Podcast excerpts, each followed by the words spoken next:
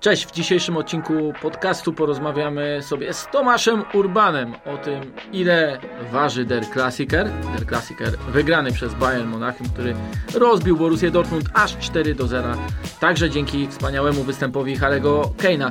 Ale nie tylko o tym meczu będzie, bo porozmawiamy sobie również o tym, jak bramko strzelna jest cała Bundesliga oraz co gotuje w Leverkusen Xabi Alonso. To podcast zachodny do tablicy, który możecie znaleźć na platformach Spotify, YouTube oraz Google, a mnie możecie oglądać tydzień w tydzień w Viaplay. Tomku, dzień dobry. Dzień dobry. Bardzo mi jest e, Cię miło gościć ponownie w moim podcaście, e, bo wiem, że to jest zawsze mnóstwo, mnóstwo wartościowej wiedzy. E, I zacznijmy sobie od razu od Der Klassikera. Z jednej strony mam po tym meczu taki niedosyt, że jedna drużyna, mówiąc wprost, nie dojechała, ale z drugiej strony mam takie wrażenie, że trochę z innej perspektywy też niż ty, przygotowując się do tego spotkania, oglądając troszkę w większym wymiarze paczkę nawet takich, powiedziałbym, meczów, zdarzeń i sobie budując opinię na ich podstawie o jednej i o drugiej drużynie, że w jakimś sensie ten mecz potwierdził mocne strony jednych, a te najsłabsze drugich. I tu wiadomo o kogo chodzi. Moim zdaniem przede wszystkim obnażył tę teorię głoszoną przez Edina Terzicia po tych kolejnych meczach wygrywanych 1 do 0 że wyciągnęli wnioski po poprzednim sezonie, że nastawiają się na grę pragmatyczną, grę na wynik. Szczerze mówiąc, Borussia Dortmund nigdy się kibicom w Niemczech, czy generalnie kibicom PVB nie kojarzyła z taką wyrachowaną drużyną. Zawsze był polot, to zawsze była kreatywność, to zawsze była świeżość, to zawsze była młodość, to zawsze był ofensywny, miły dla oka futbol, a nie takie wyrachowane granie na 1-0. To mi zupełnie nie licuje z Borussią Dortmund. I ja szczerze mówiąc nie kupiłem tej tezy, że to jest takie granie pod wynik. Także dlatego, że jeżeli nie masz wyniku, to wtedy bardzo łatwo taką tezę obalić. To wtedy no, widać wyraźnie, że nie masz argumentów. Kiedyś Rudy Jassauer powiedział, że jak w basenie opada woda, to widać, kto, kto pływa bez majtek. No i to trochę tak wygląda potem, że jeżeli nie masz wyników, nie masz stylu, ten twój futbol nie jest miły dla oka, to tak naprawdę nie zostaje zupełnie nic. To, to się okazuje, że jesteś golasem. Ja nie powiem, że Borussia jest golasem, ale w tym momencie Borussia Dortmund ma 7 punktów straty do Bayer Leverkusen i 6 do i 5, przepraszam, do Bayernu Monachium. To już są duże dystanse i w tych kolejnych meczach Borussia też nie do końca przekonuje. Eintracht Frankfurt najpierw obnażył ich grę defensywną, co rusz przedostając się w tych atakach, w tych szybkich kontrach pod bramkę BVB, a dzisiaj Bayern no już chyba dobitnie unaocznił, że Borussia ma wielopoziomowe problemy, nie tylko związane z zabezpieczaniem bocznych stref boiska, ale także w środkowej strefie, ale także związane z takim przygotowaniem, powiedziałbym, motorycznym, bo tutaj chyba widzieliśmy największą przewagę Bayernu w takim przygotowaniu szybkościowym i siłowym. Te wszystkie pojedynki, takie powiedziałbym właśnie fizyczne, no padały łupem. Bayernu Monachium i to było rzeczywiście przerażające patrzeć, jaką przewagę szybkościową mają same Koman, Musiala nad graczami Borussii Dortmund. Przykro było patrzeć, jak Leroy Sané bierze piłkę i nie kłopotany przez nikogo biegnie 20-30 metrów, 40 metrów i rozwija kontrę, czy nawet Leon Gorecka, który też zainicjował tę kontrę, po której Bayern strzelił gola na, na 2-0. Rzeczywiście tak to wyglądało, że, że te słabe strony Borussii Dortmund zostały obnażone i te mocne strony Bayernu też zostały uwypuklone.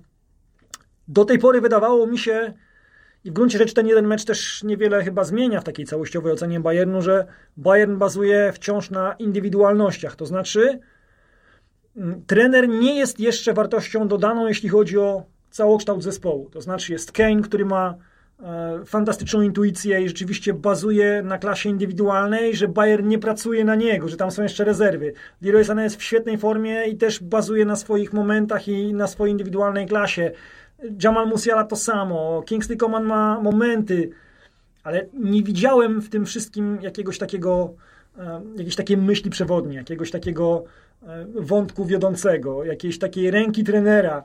Natomiast dzisiaj wszystko się absolutnie zazębiało, wszystko się ładnie ułożyło i rzeczywiście no to był taki mecz, który rzeczywiście może być e, hmm, mitem założycielskim drużyny mhm. Tuchela, bo, bo oczywiście drużyny Tuchela grały lepsze, gorsze mecze. Do tej pory uważam, że najlepszym meczem Bayernu za Tuchela był ten mecz z Freiburgiem, który się układał idealnie po myśli Tomasa Tuchela i był takim odzwierciedleniem jego wizji futbolu, e, którą odbieram w ten sposób, że to jest zwarta, konsekwentna gra w defensywie, nie pozwalanie przeciwnikowi absolutnie na nic, no i kreowanie sobie sytuacji, żeby wygrać 2-3-0. Nie wygrali ten mecz 3-0. Oczywiście Freiburg miał tam problemy kadrowe. Nie jest wielką sztuką, będąc Bayernem, wygrać z Freiburgiem, ale sam ten mecz był naprawdę modelowy, jeśli chodzi o wyobrażenie Tuchela o, o futbolu. Natomiast poza tym meczem by, były mecze, w których Bayern był fragmentami bardzo dobry, ale fragmentami też bardzo słaby. Dzisiaj z Borussią Dortmund zagrali mm, bardzo dobrze w pierwszej połowie, okej, okay, w drugiej ten mecz trochę tak się rozhuśtał i, i pozwolili Borussii na nieco więcej, ale finalnie oczywiście byli drużyną zdecydowanie lepszą i być może, tak jak mówię, to jest taki moment, w którym ten Bayern Tuchela złapie właściwy rytm e, i, i rzeczywiście e, też no, przekona niedowiarków, że to wszystko zmierza w odpowiednim kierunku. Przygotowując się do takiego meczu, lubię sobie sprawdzić nie tylko i obejrzeć mecze, ale też e, dwa, trzy ostatnie mecze, ale też przede wszystkim obejrzeć jak zespół strzela i jak traci gole. Oczywiście gole są um, rzadkim zjawiskiem futbolu, mimo tego, że przecież Bundesliga cieszy się najwyższą średnią bramek na mecz, to mimo wszystko te, to są zdarzenia jednostkowe, biorąc pod uwagę całość wydarzeń na boisku. Przy Borusi, przy golach traconych, wypisałem sobie dziura zamiast drugiej linii po wyjściu rywala spod kontrpressingu. To był problem, który się pojawiał. Tak? On wracał pomimo tych wygranych, e, jak to nazwałeś, binarnych, tak? 1 do 0. E, pasywność obrońców pod własną szesnastką, brak obserwacji rywala. Niklas Zyle przy nawet w akcji wcześniejszej przed tym ostatnim, ostatnim golem, ale Mats Hummels przy trafieniu pierwszym, Keina Schlotterbeck przy kryciu mm, Upamecano, e, dośrodkowania przed Hummelsa akurat miałem wypisane, ale też stałe fragmenty gry oraz długie diagonalne podania zabocznych obrońców. Mam wrażenie, że nie musiał się Thomas Tuchel tak bardzo przygotowywać do tego meczu, bo te wszystkie przywary Borussii Dortmund były doskonale, e, doskonale znane. W sensie takim, że jakby zapytać Tomasa Tuchela, czym jego przygotowanie się do Der Klassikera, jak wyglądało jego przygotowanie się do Der Klassikera teraz, a pół roku temu, to było to bardzo podobne e, wyzwanie i też bardzo podobne środki zastosowane przez e, jego drużynę. Dlaczego, a może masz takie wytłumaczenie właśnie, dlaczego albo albo czy jest jakiś konkretny powód, że te mecze są aż tak jednostronne w tym ostatnim pięcioleciu, tak od, nas, od ostatniego zwycięstwa Borussii Dortmund, dodajmy. Myślę, że trochę też jest tak, że jak wpadniesz w spiralę złych wyników, to możesz stawać na głowie i ciężko jest z nim wyjść. To jest Ale Borussia trochę nie była jak... w takiej spirali. Ale jak patrzysz sobie na mecze z Bayernem Monachium, no to jeżeli zbierasz co roku po łbie, jeżeli masz historyczną szansę, żeby zdetronizować Bayern i wysypujesz się na kratkach, remisując z Mainz, e, no to gdzieś tam się potem to odkłada w głowie. E, I nie jest tak prosto e, z tej matni wyjść. Rozmawiałem z Kostą Runiaiciem przy okazji Media Days na Legii i zapytałem go wprost o tę sytuację w Borussia Dortmund i on z taką dużą dozą pewności w głosie mówił, że jest przekonany, że ta sytuacja, ten pokpiony mecz z Mainz, on będzie im za każdym razem wracał do głów w trudnych ilekroć momentach. Pojawią się ilekro, tak, ilekroć pojawią się problemy i to trochę jest taka fatalistyczna przepowiednia, która, która się sprawdza. Bo rzeczywiście w tych trudnych momentach, okej, okay, oni sobie mogą poradzić w meczu z Eintrachtem Frankfurt, wrócić do, do gry, odrobić wynik, fajnie, wszystko fajnie, ale to nie jest przeciwnik z najwyższej półki. Natomiast jeżeli masz naprzeciw siebie Bayern Monachium, który cię okłada regularnie z każdej strony i w każdym meczu, to masz świadomość, że tracisz bramkę i, już się z tego nie, nie poderwiesz.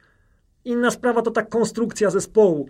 To świetnie ty powiedziałeś w studiu, cytując Zamera, że Niemcy nie potrzebują tych dobrze wyszkolonych przegrywów. No to jest przytyk w stronę Borussii Dortmund, nie ma się co oszukiwać. Marco Reus, uwielbiam Marco Reusa, jestem w kościółku Marco Reusa, ale on jest twarzą porażek Borussii Dortmund. Julian Brandt jest fantastycznym piłkarzem, ale to też jest piłkarz, który ma twarz tego przegrywa. To nie jest piłkarz, który, nie wiem, w takim trudnym momencie podostrzy grę, stanie twarzą w twarz y, z drugim piłkarzem, wejdzie w jakąś przepychankę, przeleje tę energię po prostu, tę złą nawet energię na zespół, po to, żeby dać taki, taki zapalnik drużynie, żeby ją obudzić, żeby zareagowała. To też jest raczej introwertyk. Um, I Borussia ma takich piłkarzy grzecznych, ułożonych, fajnych, ale niekoniecznie piłkarzy, którzy w trudnych momentach wezmą ciężar gry na swoje barki. Takim piłkarzem może być Emre Can, tylko że problem jest taki, że Emre Can mm, uważa, że chyba, tak mi się wydaje i też z rozmów z Łukaszem Piszkiem nam wynikało, że Emre Can e, wierzy bezgranicznie w swoje umiejętności, e, nie zawsze mając rację.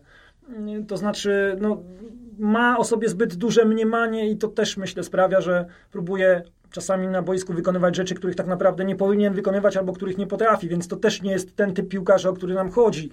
I rzeczywiście Borusi brakuje takich zawodników, którzy w trudnych momentach wezmą ciężar na swoje barki. No takim piłkarzem jest oczywiście Mats Hummels, ale to też już jest zawodnik, który jest troszeczkę po drugiej stronie rzeki. Po drugie to jest jednak środkowy obrońca, a ty czasami potrzebujesz impulsów nieco wyżej, a nie idących od, od środkowego obrońcy. Um, no i być może to jest właśnie powód, dla którego Borussia Dortmund notorycznie zbiera e, w łeb od Bayernu, w jakiej by Bayern nie był dyspozycji i w jakim by nie był położeniu. Nawiązałeś do tego cytatu z Matthiasa Zamera, który wypowiedział się w wywiadzie z Deutsche Zeitung i on mówił tam również o mm, przepadających gdzieś wartościach niemieckiego futbolu właśnie w tym systemie szkolenia, systemie, który jest zbyt zbytnio oparty na systemowym myśleniu o taktyce zespołowej, a mniej na szkoleniu choćby takich aspektów jak gra w pojedynku, e, czy w obronie, czy e, w ataku, jak taka wola zwycięstwa, prawda, jak intensywność, czy też fizyczność gry. To Bayern zdecydowanie zaprezentował i trochę o Bayernie też chciałbym porozmawiać, o planie Tuchela na Bayern, o takim powiedziałbym nawet postrzeganiu w tym momencie Tuchel Ball, tak? Bo pojawiają się takie określenia, czym to Tuchel Ball w ogóle, w ogóle jest. W tym meczu z Borussią Dortmund, to co mi zaimponowało, to właśnie e, zaimplementowanie troszkę innej gry pozycyjnej. Maksymalne rozciągnięcie dwójki środkowych pomocników Borussii Dortmund poprzez te zejścia Musiali, e, ale przede wszystkim Keina do jednej strony, Leona Gorecki wysoko do drugiej, Musiala jako taki operujący, powiedziałbym nawet fałszywy napastnik momentami na czubku tego diamentu, który się tworzył i który jeszcze uzupełniał e, w drugiej linii Konrad Reimer, grający przed, e, przed linią obrony. Mówił mm, Edin Terzic, że to rzeczywiście było zauważalne, tak, w tym wywiadzie pomeczowym, którego też słuchaliśmy, że on przecież mówił cały czas, żeby i Malen, i Brandt e, obniżali swoją pozycję, ale tak naprawdę Borussia zbyt często była w takim 4-2-4 w prostej grze, którą sobie bokiem omijali piłkarze Bayernu Monachium i to było powtarzalne. Nawet jeśli ten zespół wygrywał 2 do 0 bardzo szybko, po stałym fragmencie gry, po akcji błyskawicznie wyprowadzonej spod własnego pola karnego, kiedy ta Borussia była też odsłonięta i popełniała kolejne błędy w kryciu, to jednak ten plan był widoczny. Natomiast sam Thomas Tuchel, ja mam wrażenie, że przechodzi ewolucję, że trafił do drużyny, w której prawdopodobnie może najwięcej w karierze. Oczywiście pracował w Paryżu, tam pracował z genialnymi zawodnikami, ale to jest toksyczny klub. Nie to, że Bayern i FC Hollywood nie dostarcza kontentu um, prasie, która nie interesuje się specjalnie taktyką czy tymi tematami, o których dyskutujemy, ale pod tym względem nawet Bayern jest zdrowym klubem przy Paryżu. Chelsea, oczywiście z Chelsea wygrał Ligę Mistrzów, grając bardzo systemowo poukładanym zespołem. On na tym przecież zbudował dojście do finału. On po Franku Lampardzie zorganizował drużynę, ale miał problem ze zrobieniem kolejnego, kolejnego kroku. E, natomiast jak porównam przede wszystkim ten Bayern Monachium Tomasa Tuchela do Borussii Dortmund Tomasa Tuchela, to widzę przepaść w myśli tego szkoleniowca. Czy może przepaść to jest za dużo powiedziane? Czy może gdzieś e, zauważasz, że przepadły pewne ideały, które mu wówczas przyświecały? Nie, ja widzę punkty styczne. Pamiętam takie mecze z Tottenhamem i Sporto e, w Lidze Europy. Ja byłem zachwycony grą Borussii Dortmund i to była... Byliśmy, ja też byłem. To były fantastyczne mecze w których Borussia Dortmund nie pozwoliła tym dwóm drużynom absolutnie na nic. Absolutnie na nic. I to były takie mecze, które bardzo mi się kojarzyły właśnie z tym meczem z Freiburgiem. To znaczy bardzo konsekwentna gra w defensywie, nie zostawianie przeciwnikowi w ogóle cienia nadziei na stworzenie sobie jakiejkolwiek sytuacji i rozumna, cierpliwa gra e, w ofensywie. Zapamiętałem też Borussię Dortmund Tomasa Tuchela jako taką drużynę, która gra cierpliwie, długo, szuka dziur w defensywie przeciwnika i te dziury finalnie znajduje. E, natomiast Bayern jest takim specyficznym klubem. Mówiłeś o Chelsea. To jest fajny punkt odniesienia, bo mam wrażenie, że w Chelsea e, liczy się przede wszystkim wynik.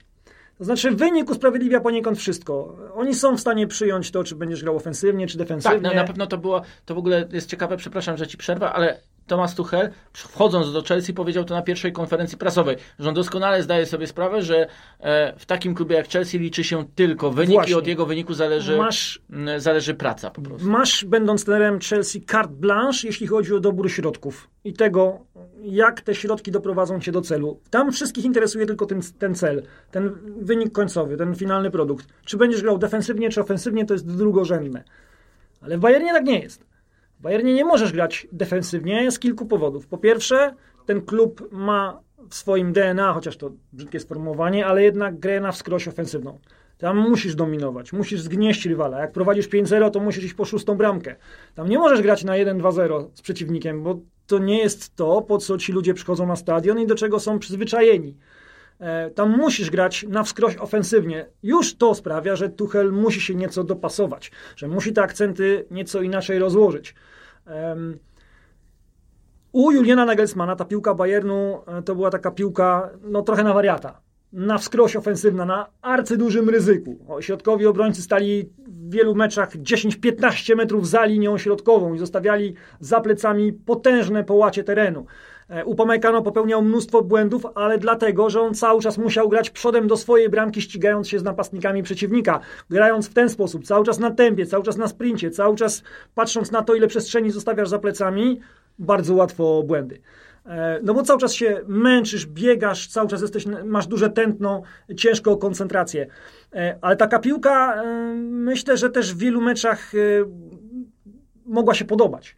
Mhm. Po to ludzie też przychodzą na, na mecz, żeby Bayern ogrywał przeciwnika 5-6-0, żeby szedł cały czas po kolejną bramkę, żeby zagryzał rywala tym wysokim pressingiem. Natomiast no to też ma swoją drugą stronę. W lidze to oczywiście może zadziałać, będziesz miał potknięcia, wiadomo, natomiast większość przeciwników zgnieciesz takim sposobem gry, ale to nie jest piłka na wygranie Ligi Mistrzów. Tam zawsze trafisz na zespół, który ci przegra tę linię pressingową i rzuci piłkę za linię obrony, e, albo stanie z wartą defensywą gdzieś tam na swojej połowie, jak stanęło Villarreal i wykorzysta twój moment e, słabości. E, jednak grając w Lidze Mistrzów i walcząc o wygraną w tych rozgrywkach musisz być bardziej wyrachowany, bardziej pragmatyczny, musisz znaleźć właściwy balans między atakiem a obroną. I zakładam, że wybór Tuchela był także podyktowany tą chęcią zbalansowania gry, to znaczy utrzymania oczywiście tempa i rozmachu w ofensywie, ale znalezienia tego złotego środka, żeby ta linia obrony może nie stała na 60 metrze, a, gdzieś tam na 53 załóżmy, bo te kilka metrów może ci zrobić różnicę. E, może żeby nie grać przez niemal pełne 90 minut tym agresywnym, wysokim doskokiem pressingowym po, po stracie, ale żeby czasami odbudować formację i, i przyjąć przeciwnika nieco głębiej e, no ale Tuchel, tak jak mówię, też musi znaleźć złoty środek. To też nie może być tak, że Bayern gra wyczekującą piłkę, e, że Bayern się zadowoli wygraną 2-0 z przykładowym Augsburgiem. To nie jest gra, którą chcą oglądać kibice i szefowie Bayernu Monachium. Tym bardziej, że Bayern ma tak kolosalną przewagę finansową, nad resztą stawki w Bundeslidze, że po prostu nie przystoi mu tylko wygrywać mecze. W Monachium to jest zdecydowanie za mało. Nie wystarczy w Monachium tylko wygrywać meczów. Musisz to zrobić w odpowiedni sposób, w określonym stylu, e, z, z odpowiednią, e, z, z, taką naprawdę dużą pompą, tak? E, I, i rzeczywiście Tuchel patrząc na to też musi się dopasować, musi się pewnych nowych rzeczy, może inaczej, nie tyle nauczyć, co wdrożyć do swojego warsztatu nowe, nowe aspekty, nowe rzeczy, otworzyć się na nieco bardziej ofensywną grę. Uwolnić ten potencjał ofensywny i dać pograć tym piłkarzom z przodu, nie wiązać ich takimi taktycznymi e, pętami, tylko rzeczywiście spuścić ich ze smyczy, no bo jak masz takiego Sane, jak masz Musiale, jak masz Keina, oni doskonale wiedzą, co mają robić na boisku i, i takie wtłaczanie ich w bardzo sztywne, taktyczne ramy pewnie przyniosłoby więcej szkód niż, niż korzyści, więc organizuję sobie odpowiednie, odpowiednio grę defensywną, natomiast mam takie wrażenie, że w grze ofensywnej zostawia im naprawdę bardzo dużo swobody. Dużym wyzwaniem myślę też jest dla niego jednak y, paradoksalnie współpraca z Kane'em, bo Kane to jest tak niestandardowy napastnik, że, że żeby aby go w pełni wykorzystać, to też musisz się troszeczkę dostroić, musisz y, mm, nauczyć swoich piłkarzy gry z Harm Kane'em. Jego, te jego głębokie zejścia też muszą powodować ruch w przeciwnym kierunku. Mówiłeś o tym, jaki ruch wykonywał dzisiaj w klasikerze Jamal Musiala, który bardzo często zapełniał ten, ten wolny korytarz zostawiany przez Harego Kane'a. Już w pierwszym meczu tego sezonu z Werderem widzieliśmy taki ruch ze strony skrzydłowych to był taki system naczyń połączonych. Harry Kane się cofał, a to spra sprawiało, że i Kane i Sane ściągali od razu do środka w ten wolny korytarz. No i takie automatyzmy muszą rzeczywiście e, działać w grze Bayernu, jeśli, jeśli Bayern chce czerpać e, pełnymi garściami z posiadania takiego napastnika, jakim jest Harry Kane. No właśnie, czy już czerpie pełnymi garściami? Ja odbieram Kane'a, mm, jego transfer do Bayernu jako prezent, najlepszy prezent, jaki trener mógł sobie wymarzyć w świecie współczesnym, kiedy każda dziewiątka jest na wagę złota, bo jest. I jest o nią niezwykle trudno. Trzeba się na nią wykosztować, wyskautować i wynaleźć jakiś taki e, talent. Jest niebywale trudno jeszcze dać mu szansę i przebić mm, taką barierę oczekiwań natychmiastowych bramek, no to choćby Rasmus Hojlund pokazuje w Manchesterze United, że absolutnie nie jest, e, nie jest łatwo. Zresztą Darwin Nunes też miał trudny pierwszy sezon mm, w Liverpoolu. Mówię o kwestiach e, z Premier League, z której do ligi Harry Kane przyszedł. Dla mnie ta niestandardowość e, Harry'ego Kane'a polega również na tym, że gdy pokazywaliśmy dzisiaj w przedmeczowym studiu jego porównanie statystyk z Tottenhamu, który grał zupełnie inaczej od Bayernu Monachium Tomasa Tuchela. To był znacznie bardziej pragmatyczny zespół, nawet jeśli pod wodzą Ryana, Mason, Ryana Masona na koniec sezon troszkę starał się zmienić, to mimo wszystko był to zupełnie inny, um, inny zespół, inaczej grający, inne miał mechanizmy, ale nadal bazował też na ogromnej szybkości tej wymienności pozycji. To jego statystyki były bardzo podobne chyba największa różnica była w progresywnych podaniach, gdzie miał jeszcze większą rolę w zagraniach na wolne pole e, angielski piłkarz. Czy ty widzisz właśnie gdzieś jeszcze możliwość rozwinięcia m, tej współpracy, bo mówimy o na razie rekordowych wynikach strzeleckich, o kapitalnych em, liczbach stwarzanych okazji kolegom. Czy jeśli Kane też rozwinie, jeśli Kane i Bayern rozwiną tę współpracę, to może być tego więcej? Rekordowo więcej? Tak. Twierdzę, że tak, bo twierdzę, że tam jeszcze e, są rezerwy, jeśli chodzi o Harry'ego Kane'a. Jak popatrzysz sobie na sytuacje stwarzane Haremu Kane'owi, to wychodzi, że on właściwie niemal to, co ma, to wykorzystuje. A nie ma napastników, którzy na przestrzeni całego sezonu będą wykorzystywać praktycznie wszystkie sytuacje. Przypominam sobie teraz tak na szybko chyba jedną tylko taką naprawdę super sytuację zmarnowaną przez Harry'ego Kane'a. Pewnie było ich więcej, no ale teraz przychodzi mi jedna na myśl, to było w meczu z Bayerem Leverkusen, kiedy rzeczywiście miał dobrą okazję i z kilku metrów strzelił tak, że Radecki zdołał tę piłkę jeszcze e, zbić e, poza światło bramki, ale to wszystko. Ale to też oznacza, że tych sytuacji ma relatywnie niewiele, jak na e, granie w takim zespole, jakim jest Bayern. I do te, może ten punkt naszej rozmowy jest nie najlepszy, bo mam wrażenie, że ten mecz z Borussią Dortmund przeczy trochę temu, co powiem, bo akurat dzisiaj wszystko funkcjonowało jak trzeba. I Miało momentami aż za łatwo. tak, i współpraca między nim i, i kolegami, i to, że rzeczywiście tych sytuacji mu dzisiaj nie brakowało, wszystko funkcjonowało tak, jak powinno funkcjonować. Natomiast gdybyśmy rozmawiali w oderwaniu od tego meczu, to bym ci powiedział, że Harry Kane strzela te gole, ale na bazie swojej indywidualnej klasy, na bazie tego, tej nieprawdopodobnej intuicji, na bazie. Um, no właśnie indywidualnych umiejętności, a nie na podstawie tego, że Bayern tak łatwo, sprawnie i dobrze wyprowadza go na pozycję, że stwarza mu tyle okazji, że daje mu szansę, żeby się raz na jakiś czas pomylił. Że ta współpraca między nim a resztą drużyny jeszcze troszeczkę e, kulała. Stąd uważam, że tam jeszcze są duże rezerwy.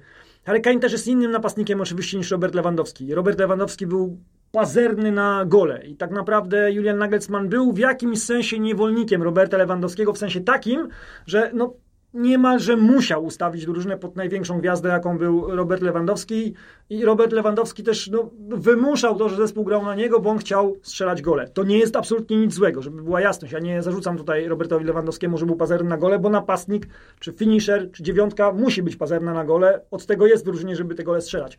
Ale patrzę na Harry'ego Kane'a i widzę piłkarza, który te gole zdobywa, nie powiem mimochodem, nie powiem przy okazji, ale mam wrażenie, że on też patrzy na inne aspekty. Patrzy na to, żeby wykreować kolegów. Nie jest aż tak pazerny, a mimo to to strzelanie goli przychodzi mu też z dużą łatwością i te liczby ma fenomenalne. Mm, I uważam, że e, czas będzie pracował na ich korzyść. Ja nie martwię się absolutnie o ofensywę Bayernu, bo jeżeli masz e, takich piłkarzy jak Musiala, Kane, Sane, Koman, e, którzy mm, chociażby, jeżeli chodzi o to przygotowanie szybkościowe, no, próżno szukać drużyny z takim potencjałem motorycznym, jak, jak Bayern ma obecnie y, tę ofensywę. Natomiast problemy Bayernu zaczynają się gdzieś tam niżej, wynikają tyleż z klasy poszczególnych piłkarzy, co bardziej raczej z y, takich wątłych zasobów tej kadry, z braku możliwości rotacji, z kilku kontuzji. Y, natomiast jeśli chodzi o ofensywę, no to rzeczywiście tam kilka możliwości manewru y, Thomas Tuchel ma i uważam, że E, tam rzeczywiście jeszcze, jeszcze parę rzeczy można, można zrobić. Można te wszystkie mechanizmy poruszania się po boisku tych piłkarzy wokół Keina jeszcze bardziej zautomatyzować. E, no i no rzeczywiście, jeśli to wszystko się dotrze, no to ciężko będzie myśleć o tym, żeby, żeby Bayern powstrzymać e, w ofensywie. Nie mówię, żeby ograć, bo no zawsze może wygrać mecz 5-4 z Bayernem, ale zatrzymanie tej ofensywy będzie naprawdę arcy, arcy trudne. To przejdźmy do tematu, e, który mnie zaintrygował przed tym meczem i intryguje mnie od początku sezonu, bo ta średnia bramek w Bundeslidze jest niesamowita. 3,7 e, przed tą serią spotkań, bodaj 25 goli w 7 meczach tej kolejki, a jeszcze dwa jutro, także dwa w niedzielę jutro. My nagrywamy późno w nocy, także e, żeby słuchacze wiedzieli po tym naszym Dele Classicerze. I oczywiście szukając wytłumaczeń, takich powiedziałbym bardziej analitycznych, można by spojrzeć na fakt, że w kolejce jest o jeden rzut karny więcej, bo tak to mniej więcej wygląda, że o 7 punktów procentowych więcej goli jest strzelany głową, a te gole zawsze są powiedzmy e, mniej wartościowe, jeśli chodzi o jakość danej szansy przy strzałach głową, więc to też ma jakieś tam znaczenie, że wystrzeliwuje ta powiedziałbym Mm, ta liczba bramek, bo po prostu są jakieś gole strzelane niezwykłe albo takie, które zwykle nie są tak wartościowane. Ale wydaje mi się, że to ma, ma na to wpływ styl gry i sprawdzając sobie nie tylko Premier League, ale i inne ligi europejskie mm, pod względem właśnie stylu, stylu rozumianego jako e, szybkość w grze do przodu oraz bezpośredniość e, prowadzonych e, ataków, widzę E, i jeszcze pressing, widzę małe różnice w samej Bundeslidze i to jest chyba w tym wszystkim najciekawsze. Jeśli chodzi o samo PPDA, czyli Passes per Defensive Action, czyli na ile podań pozwala się drużynie przeciwnej pod względem e, tego e, grania już powiedzmy pomijając swoją tercję obrony, tak? O tercję obrony przeciwnika oczywiście, to te różnice pomiędzy top, średnią top 5 najbardziej aktywnych w pressingu drużyn, e, drużyn w Bundeslidze, a najmniej aktywnych jest najniższa w tych ligach europejskich. Czyli po prostu tak jakby drużyny bardzo podobny e, ilościowo sposób presowały. No bo jakościowo to można oczywiście e, dyskutować, kto robi to lepiej. Także jest niska różnica pomiędzy drużynami, jeśli chodzi o bezpośredniość gry. Bezpośredniość, która jest definiowana przez The Analyst jako przesuwanie akcji w metrach na sekundę w stronę bramki przeciwnika. I o ile ona jest najwyższa, jeśli chodzi o Premier League, wysyłałem Wam również taką grafikę w poprzednim sezonie, tych średnia wszystkich drużyn bezpośredniości w Bundeslidze wynosiła 1,63 setne metra na sekundę. W tym sezonie to jest 1,93 metra na sekundę, a więc można też odnieść wrażenie, że jest pressing, jest intensywnie z jednej i z drugiej strony, ale jest też dużo przestrzeni do takiego biegania i dużo też chęci do takiego biegania od jednej do drugiej bramki. No i chciałem potwierdzić te obserwacje analityczne, liczbowe z Twoją wiedzą, z tym jak Ty widzisz Bundesligę teraz, jakie widzisz jej mocne, słabe strony. Wiesz co, mało jest drużyn w Bundeslidze, które grają taki bardzo prymitywny futbol, czyli stają na 30 metrze autobusem i grają wybijankę licząc na, na cud, na stały fragment, na, na lagę. Gro drużyn jednak preferuje taką ambitną grę. Każdy zagra tak z Bayernem? Mo niemal każdy nie, zagra. Nie każdy. nie każdy. Nie każdy, bo miałeś na przykład mecz Bayernu z Darmstadt. W teorii mecz taki, który układa się, jeżeli chodzi o scenariusz, w sposób dość oczywisty. Darmstadt staje z tyłu i, i czeka na jak najniższy wymiar kary. Jak się ten mecz zaczął? Od bardzo agresywnego doskoku pressingowego Darmstadt, czerwonej kartki dla Jozuły Kiemisia e, i kilku jeszcze takich e, wypadów Darmstadt, gdzie próbowali Bayern złapać bardzo wysoko. I mówił też o tym środkowy obrońca Darmstadt, Matej Maglica, że oni mają świadomość, że przez to tracą wiele goli. Ale oni się w takiej grze czują najlepiej. Oni by się gorzej czuli, gdyby mieli stanąć, yy, przepraszam, z czterema literami w bramce i grać wybijankę. To nie jest ich sposób gry.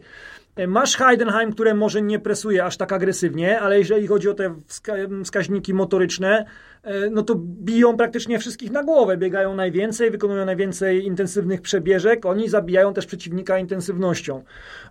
Takich drużyn, które stają gdzieś tam z tyłu, naprawdę w tej lidze jest niewiele. Być może będą taki sposób gry wykorzystywały w pojedynczych meczach, ale bardzo rzadko. Myślę też, że dużą rolę odgrywa fakt, że rzeczywiście no, kluczową taką cechą w niemieckich drużynach, jeśli chodzi o graczy ofensywnych, jest szybkość. No, to jest y, warunek sine qua non. Musisz, być, musisz mieć tempo, musisz mieć, nie wiem, te 34 kmh na liczniku, jeśli chcesz grać y, w formacji ofensywnej w Bundeslidze, albo być wybitnym technikiem i tę szybkość mieć na poziomie powiedzmy 33 km, żeby przetrwać i, i naprawdę poradzić sobie y, w tej lidze.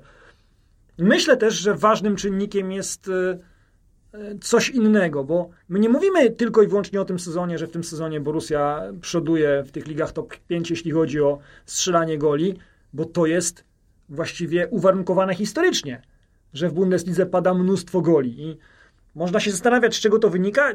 Ja troszeczkę odszedłbym od takiego aspektu stricte piłkarskiego i analitycznego i taktycznego i wziął pod uwagę to, co dzieje się na trybunach. Mhm. Bo myślę, że ważne jest w tym wszystkim to, że e, masz te stadiony wypełnione niemal do ostatniego kibica, że masz w Dortmundzie 81 tysięcy na każdym meczu, a w Monachium 75 tysięcy, a e, w Hamburgu 50, w Szalkę 60, grasz w Kaiserslautern 40, mimo że grasz w drugiej Bundeslidze.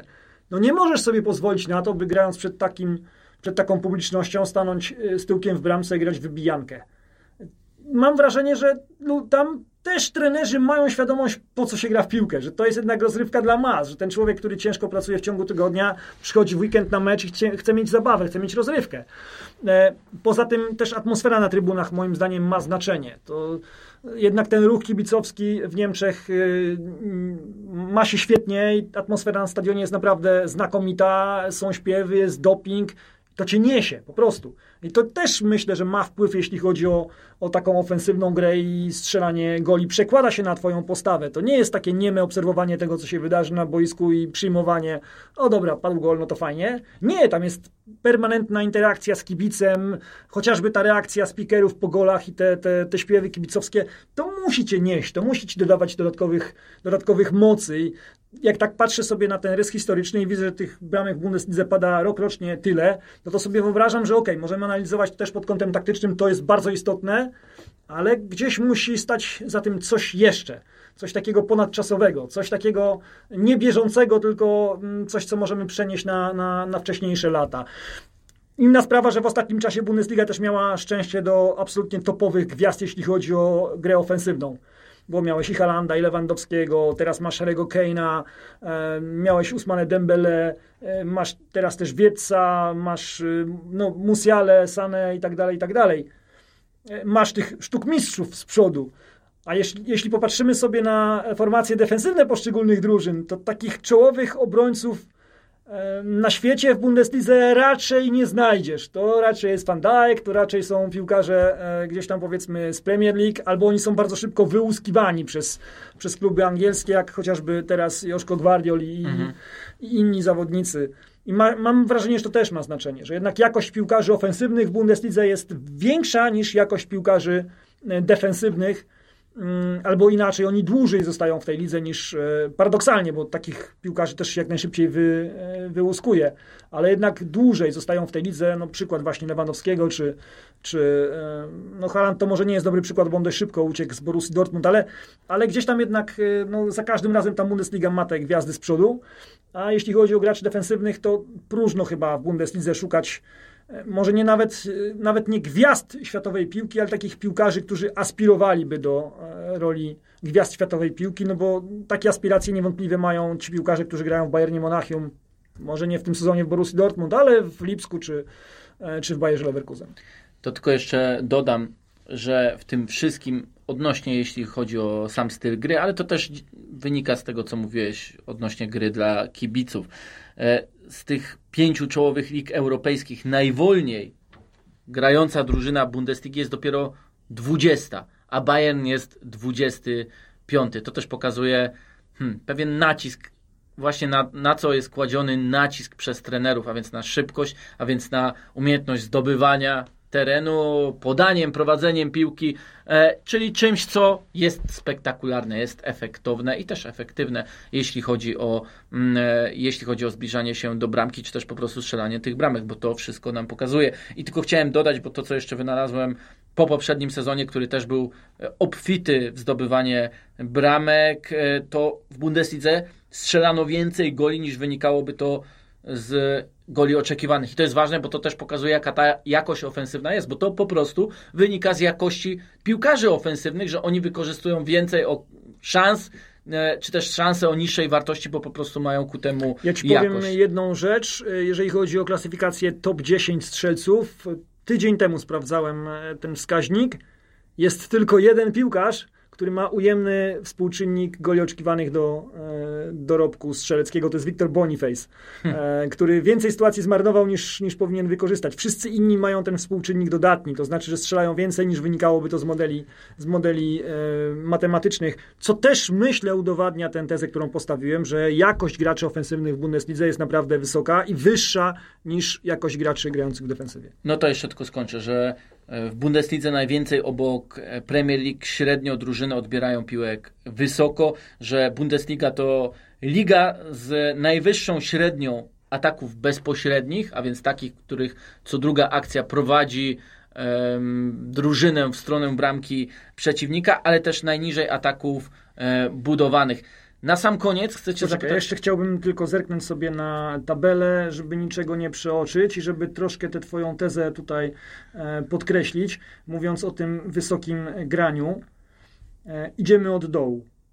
E, Kolonia, Baumgarta, wysoki pressing. Wysoki pressing. I także dlatego jest w tym miejscu, tak? No, no tak, bo nie mają planu B. Wysoki pressing, gra do skrzydła, wrzutka a, i z tego się robią gole. Mainz, bo Svensona słynęło z tego, że grali systemem 5-2-3 i tych trzech piłkarzy grało ultra ofensywnie. Ruszało do bardzo wysokiego pressingu, stąd też się biorą ich e, problemy. Union to jest inna bajka. Union rzeczywiście słynął z bardzo niskiego pressingu, to PPDA było u nich rzeczywiście ekstremalnie e, wysokie. Co ciekawe, w tym sezonie wcale nie jest tak wysokie ze względu na stan wielu meczów, w których oni musieli gonić wynik, a więc się I odkrywali. I też dlatego, że chcieli troszeczkę zmienić swój sposób gry. Tam skoczyło im posiadanie, skoczył procent celnych podań, ale ta reforma, jak widać, e, nie idzie za dobrze. Zmierzam do tego, że to jest jeden z nielicznych zespołów, który e, na sztandarach miał wypisaną taką grę defensywną i odbudowanie formacji po stracie. Gro zespołów, zdecydowana większość w Bundeslidze po stracie rusza do kontrpressingu. Union jest jednym z nielicznych, który, e, który rzeczywiście w stylu Adama Nawałki odbudowywał e, formację, wracał do swojego porządku taktycznego. No możemy iść w górę tabeli, ale generalnie takich drużyn jak Union nie znajdziemy za wiele. To pozwól, że zakończymy nasz odcinek rozmową o e, Bayerze Leverkusen. E, oczywiście, że miałem okazję w tym sezonie już oglądać ten zespół. Dzisiaj z racji no, pracy przy Bundeslidze, też analizowania tego meczu, mogłem też jeszcze bardziej skupić się po prostu na Bayerze Leverkusen, a pozycyjność te, tej drużyny jest niesamowita.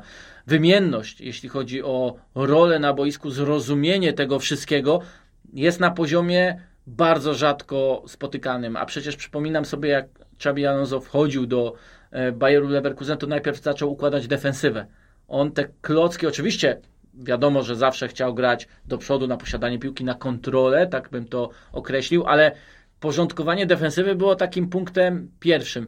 Teraz nie wiem, czy to jest, mam nadzieję, że nie, że to nie jest finalna wersja Bayeru Leverkusen i ich możliwości przy tym, jak oni grają, jak e, fantastyczny jest e, ten futbol prezentowany, ale zapytam Cię, jak Ty widzisz rozwój tej drużyny?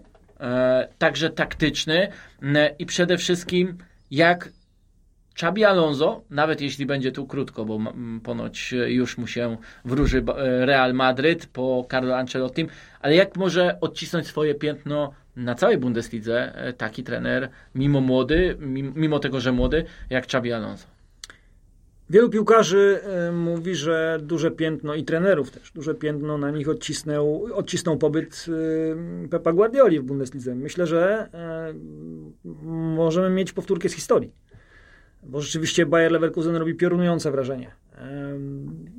Raz, że dopasowali idealnie wszystkie klocki, jeśli chodzi o, o transfery. Zdiagnozowali idealnie swoje bolączki, swoje potrzeby i uderzyli tam, gdzie powinni byli uderzyć, żeby dać dodatkową jakość tej drużynie. Ale do tego wrócę za chwilę. Bayer Leverkusen przed erą Szabiego Alonso był drużyną na wskroś nastawioną na kontry. E, oni stali z reguły niskim pressingiem, bo mieli z przodu e, takich szybkich piłkarzy, że nawet stojąc bardzo głęboko. To to mówił, że to sztafeta 100 metrów? 4 razy 100 metrów, tak. E, już nie pamiętam, kto, chyba to SC napisało, ale rzeczywiście, że, że mieli na bokach takich piłkarzy, których mogliby wystawić w sztafecie 4 razy 100 metrów i nie byliby bez szans na medal w Igrzyskach Olimpijskich. Natomiast rzeczywiście to tam był Frimpong, tam był Diaby, Diaby tam był Adli i Baker. Natomiast oczywiście oni mogli sobie przesuwać tę linię pressingową i zazwyczaj przesuwali ją, zwłaszcza pod wodzą Sołane, bardzo głęboko, bardzo blisko swojej bramki, bo jak przeciwnik do nich wyszedł, no to rzucenie piłki na wolną przestrzeń kończyło się akcją bramkową. Ale to był futbol bardzo taki, powiedziałbym, jednowymiarowy. Za Rogera Schmidta wyglądało to jeszcze inaczej, bo oni rzeczywiście rzucali się na przeciwnika wysokim pressingiem, e, po uprzednim zagraniu długiej piłki z linii obrony. To znaczy dostawał piłkę jakiś obrońca, grał dzidę do przodu i tam był agresywny doskok tych graczy ofensywnych. Oni zbierali tę piłkę, walczyli o drugą piłkę i z tego rodziły się sytuacje. No ale w takim graniu też gdzieś tam po pewnym momencie dochodzisz do ściany. Natomiast Xabi Alonso sprawił, że Bayer jest dziś drużyną, która się czuje w dalszym ciągu fantastycznie w tych fazach przejściowych i e, w grze z kontry, ale przede wszystkim umie założyć atak pozycyjny. Jest cierpliwe, jest e, efektywne w tym, co robi e, i rzeczywiście widać jak na dłoni z miesiąca na miesiąc rozwój tej drużyny w tym aspekcie, który uznaję ja osobiście za najtrudniejszy, jeśli chodzi o, o nauczenie zespołu właśnie jakichś takich e, względów taktycznych. Dla mnie atak pozycyjny jest wizytówką trenera i, i, jest faktycznie najtrudniejszy do wyegzekwowania. Jeżeli widzisz postępy na tym tle, to znaczy, że trener wykonuje fenomenalną pracę, bo nie jest wielką sztuką, myślę, ustawić zespół pod kontrę, jak masz wykonawców yy, odpowiednich do tego. Nie jest wielką sztuką ustawić się pod stałe fragmenty gry, jak masz, jak masz odpowiednich wykonawców do tego, natomiast nauczyć drużyny ataku pozycyjnego to jest w mojej opinii potężna, wielka sztuka. E, to, co zrobił Xabi Alonso, to e, upłynnił system. To znaczy, jeśli ktoś powie, że Bayer gra na czterech obrońców, ma rację. Jeśli ktoś powie, że gra na trzech obrońców, ma rację, bo tak naprawdę ten system jest bardzo płynny i nawet Xabi Alonso pół żartem, pół serią mówi, że akurat nie ma większego znaczenia, bo on czasami sam nie wie, jakiego zespół gra. Bo rzeczywiście kluczową rolą jest tutaj moim zdaniem rola od Ilona Kosunu, czyli półprawego, ewentualnie prawego obrońcy, który jeśli Bayer ma piłkę, staje się środkowym obrońcą, dokleja się do dwójki środkowych obrońców. Kiedy Bayer musi bronić, wychodzi szeroko i oni wtedy bronią e, w czwórkę. E, I on ma mnóstwo terenu do pokrycia. Jednocześnie jest piłkarzem, który też często angażuje się w akcje ofensywne i angażuje się do wyprowadzenia piłki, więc ma naprawdę wiele obowiązków i wywiązuje się z tych obowiązków fantastycznie. E, taki taka próbka może tego, co on daje dla drużyny, była widoczna chyba w dzisiejszym meczu z Hoffenheim. To oczywiście jest lekko przerysowane, ale do przerwy Bayer prowadzi 2-0, ma pełną kontrolę nad meczem. Odilon Kosunu schodzi w przerwie, wchodzi Stanisic, za chwilę jest 2-2. Oczywiście nie mówię, że to jest wina Stanisicia, ale te, wszystkie te automatyzmy y, działają naprawdę w Bayerze y, w sposób znakomity. No i rzeczywiście udało się, tak jak mówię, dograć te wszystkie komponenty poprzez transfery. To znaczy do tej pory za Bayerem Leverkusen ciągnęła się taka opinia, że to są tak zwani e, Sommerwetter Fußballer, czyli piłkarze od pięknej pogody. Jak się układało, to super, ale jak się nie układało, to nie było nikogo, kto wziąłby tę drużynę e, za mordę, przepraszam za wyrażenie, e, i postawił do pionu. Miał to być teraz... kiedyś Robert Andryś? No był takim piłkarzem Robert Andryś, tylko że problem jest taki, że Robert Andryś ma takie cechy wolicjonalne, natomiast gorzej, jeżeli chodzi o kwestie stricte piłkarskie. Natomiast Granit Szaka to jest pełen pakiet tego, co Bayer potrzebował. To jest zarówno charyzma, to jest zarówno e, leadership, e, ale też umiejętności stricte piłkarskie. To jest pełen, e, pełen pakiet. No i w parze z Ezekielem Palaciosem naprawdę tworzą fantastyczny duet. Pojawił się ostatnio taki artykuł w niemieckiej prasie, w którym przedstawiono wyniki badań Instytutu do Spraw Sportu ze Szwajcarii, z Neuchâtel, CAS, czy jakoś tak to się nazywało, i oni badali pod różnymi kątami środkowych pomocników, najlepszych środkowych pomocników na świecie, skuteczność, celność podań, wychodzenie na pozycję, no brali mnóstwo czynników pod uwagę i wyszło im, że na ten moment w piątce najlepszych środkowych pomocników świata jest dwóch piłkarzy Bayer Leverkusen i Ezekiel Palacios i Granit Xhaka. Pozostała trójka, którą wytypowali, to był Frankie de Jong, to był Rodri i to był jeszcze Toni Kroos. Oczywiście można się spierać, to zasadne czy nie, czy, czy, czy mają rację, czy nie, ale no gdzieś tam jakieś pogłębione studia pokazały, że Bayer ma naprawdę fantastyczny środek. No i ten fantastyczny środek jest wspomagany przez rewelacyjne wahadła. Liczby, jakie robią Frimpong i Grimaldo, no, prze, przekraczają naprawdę ludzkie wyobrażenie. I teraz oni paradoksalnie są zupełnie innymi graczami. To znaczy Frimpong jest totalnie wertykalny, on napędza taki prawą stroną, zabiega za linię obrony, męczy tych przeciwników. Na tempie rzeczywiście jest nie do zatrzymania. Grimaldo to jest taki ukryty rozgrywający na lewej stronie piłkarz, który ma fantastyczne wyczucie przestrzeni, który wie, gdzie ma się pojawić, no i ma rewelacyjnie ułożoną lewą stopę. Gol na 3 do 2 z Hoffenheim na wprost bramki sprzed pola karnego. Jak tam się znalazł e, lewy wahadłowy, gdy normalnie powinien wspierać Boniface'a, e, będącego wówczas wypychanym z pola karnego, tak, tyłem do bramki przeciwnika. To od razu mi się tak narzuciło, bo to nie jest typowy lewy wahadłowy. Nie, zupełnie nie. Zupełnie niestandardowy le lewy wahadłowy. Świetnie wygląda współpraca w trójkącie Wirtz, Boniface, Hoffman. E, zwłaszcza ta dwójka e, Wirtz i, i Hoffman e, znakomicie funkcjonuje w środku pola, bo też Hoffman jest takim bardzo, ale to bardzo inteligentnym piłkarzem, który wie, kiedy ma obniżyć pozycję, kiedy ma wyjść wyżej, ma świetne też wyczucie przestrzeni i, i no, to wygląda naprawdę znakomicie. Mm, ja powiem Ci, że ja uwierzyłem w Bayer Leverkusen przed sezonem oglądając ich sparring z West Hamem. Ja byłem po prostu zachwycony organizacją gry, sposobem wychodzenia spod pressingu, system, zmianą, system, tym płynnym systemem, sposobem budowania akcji od bramki.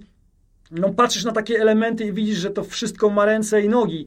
I pomyślałem sobie, no tak, to zawsze był Neverkusen, ale może już nie. Może faktycznie ta praca Szabiega Alonso plus jakość tych piłkarzy, których ściągnęli, E, przyniesie w tym sezonie efekt i postawiłem, typując rozstrzygnięcia przed sezonem, że Bayer Leverkusen wygra Puchar Niemiec i zdobędzie wicemistrzostwo Niemiec. No i na razie to gdzieś tam powiedzmy e, te moje typy są na, na dobrej drodze. Oczywiście sezon jest długi, może się wszystko zdarzyć. W styczniu i lutym są te Puchary Narodów Afryki, Puchar Azji. Rzeczywiście Bayer Leverkusen straci czterech piłkarzy z podstawowego składu. No i może być różnie, natomiast e, no, styl gry, no trudno się stylem gry Bayeru nie zachwycić zachwycać. E, stylem gry i też właśnie e, no, tym, w jaki sposób oni kreują sobie sytuację, jak wychodzą spod pressingu, jak funkcjonują w tych takich, powiedziałbym, elementarnych um, obszarach. Tomek, to była jak zwykle ogromna przyjemność. Dziękuję Ci pięknie. Bardzo dziękuję. E, a ja Was mogę tylko zachęcić do zostawienia subskrypcji, polubień, podań dalej, komentarzy przede wszystkim, może pytań do Tomka, to wtedy nagramy kolejny odcinek i będzie tak, tak przyjemnie. Dzięki również za śledzenie wszystkich e, kanałów. No i to tyle. Do usłyszenia.